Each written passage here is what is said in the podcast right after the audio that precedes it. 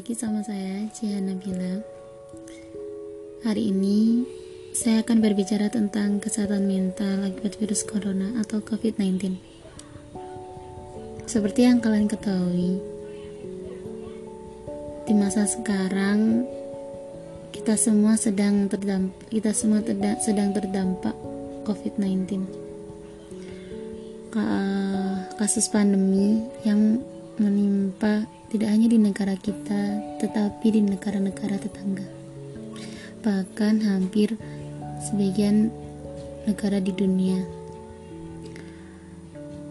Awalnya pada Maret awal 2019 di Indonesia terkonfirmasi dua kasus COVID-19.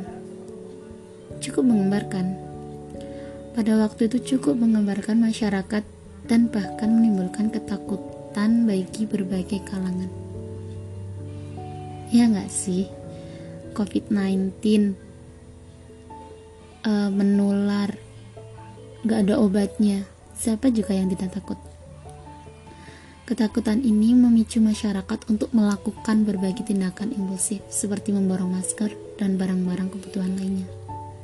Sehingga waktu itu uh, awal-awal terjadinya pandemi di Indonesia ini sempat kekurangan masker. Masker kesehatan karena diborong oleh masyarakat awam. Yang aslinya masker kain tersebut masker salah maaf. Masker kesehatan itu hanya untuk kalangan tenaga kesehatan. Tapi digunakan atau dibeli oleh masyarakat awam. Nah, penularan virus ini gimana sih terjadinya? Penularan virus corona terjadi melalui droplet atau cairan tubuh yang bisa terpercik pada seseorang atau pada benda-benda di sekitarnya pada jarak 1 sampai 2 meter melalui batuk atau bersin. Karena itu, Penggunaan masker diperlukan justru oleh orang yang sakit untuk mencegah penularan percikan tersebut. Begitu. Jadi ketika kita tidak jadi ketika kita tidak sakit, kita tidak perlu makan masker kesehatan. Kan mubazir seperti itu. Jadi masker kesehatan digunakan oleh tenaga kesehatan yang menangani pasien COVID-19 ataupun pasien COVID-19 sendiri itu atau seseorang yang sakit seperti itu. Nah, kalian tahu nggak COVID-19 itu apa? COVID-19 merupakan penyakit yang disebabkan oleh virus SARS-CoV-2 dengan gejala umum, gangguan saluran pernafasan akut baik ringan maupun berat yang meliputi demam, batuk, sesak nafas, kelelahan, pilek, nyeri tenggorokan atau diare. Ya walaupun angka kematiannya sekitar 3%, jauh lebih rendah dari kebanyakan penyakit menular lainnya, COVID-19 menimbulkan kepanikan yang luar biasa. Hmm, ya, kepanikan yang luar biasa yang mendadak mengubah perilaku seluruh orang dunia.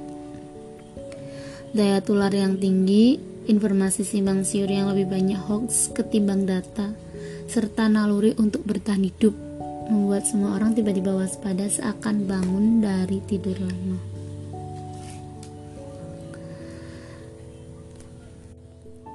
Semua tadi dapat mempengaruhi kesehatan mental, terutama bagi mereka yang sudah memiliki masalah mental bawaan seperti gangguan kecemasan atau gangguan obsesif kompulsif atau OCD. Lalu, bagaimana kita dapat menjaga kesehatan mental kita? Bagaimana kita dapat menjaga kesehatan mental? Seperti yang dijelaskan oleh Nikki Ledbetter dari lembaga amal Anxiety UK, Kecemasan karena ketidakberdayaan dan kegagalan untuk mentoleransi ketidakpastian merupakan ciri-ciri khas pada banyak kasus gangguan kecemasan. Jadi, dapat dipahami jika banyak individu yang sudah memiliki gangguan kecemasan akan merasa tertekan di masa seperti ini. Uh, lalu bagaimana kita dapat menjaga kesehatan mental? Caranya, yang pertama adalah batasi konsumsi berita dan selektif terhadap bacaan. Bagi teman-teman semua, batasi ya waktu membaca untuk atau menonton sesuatu yang tidak akan membuat Anda merasa lebih baik, yang membuat Anda merasa tertekan. Uh, tentukan waktu Anda untuk mengecek berita terbaru. Jadi jangan apa-apa uh, percaya dengan semua berita-berita di luar sana, apalagi uh, broadcast-broadcast yang tidak ada sumbernya. Yang khawatirnya itu akan membuat kalian lebih cemas, lebih takut sehingga daya sehingga kekebalan tubuh kalian bisa menurun. Malah seperti itu kalian bisa saja gampang terkena penyakit seperti itu. Banyak karena kenapa? Karena banyak misinformasi tersebar. Jadi pilihlah satu sumber terpercaya seperti laman resmi pemerintah atau otoritas kesehatan. Yang kedua adalah istirahat dari media sosial dan menutup sumber kecemasan. Matikan kata kunci yang dapat memicu kecemasan di Twitter. Ayo yang anak Twitter, matikan ya. Yang uh, matikan akun-akun Anda. Kata kunci-kata kunci yang dapat uh, membuat Anda cemas berlebihan. Terus bungkam kelompok percakapan di WhatsApp dan sembunyikan dengan Facebook yang terlalu mengganggu. Bagi yang banyak grup-grup chat di WhatsApp, di Facebook. Jika memang itu toksik, mengganggu pikiran kalian, mengganggu kesehatan mental kalian, tidak usah dibaca. Bacalah dari sumber-sumber yang terpercaya, yang buat Anda bahagia. Selama di rumah saja, ketika kita membaca hal-hal yang membuat kita cemas, membuat kita takut, itu akan lebih uh, membuat kita gampang terkena penyakit. Kenapa? Karena daya dalam tubuh kita tuh menurun teman-teman seperti itu yang ketiga uh, ya karena penularan virus ini melalui droplet tangan-tangan juga bisa mengharuskan kita untuk selalu cuci tangan pakai sabun. Tetapi jangan berlebihan. Maksudnya ya jangan berlebihan saja. Sesuatu yang berlebihan kan tidak baik benar nggak? Apa ya istilahnya? Selalu selalu selalu selalu selalu. Apa apa selalu cuci tangan apa apa selalu cuci tangan. Benar bagus. Tapi jangan terlalu berlebihan.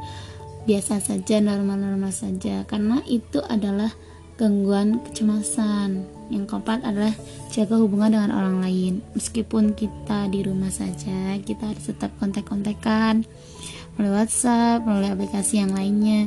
Jadi kita tidak merasa uh, kita kesepian di rumah seperti itu. Kan ada beberapa orang yang biasa di luar biasa bekerja di luar biasa berkegiatan di luar tidak tidak diam saja. Itu kadang bikin cemas dibikin stres seperti itu. Untuk tidak bikin stres kita melakukan komunikasi jangka, jarak jauh kepada orang-orang terdekat kita.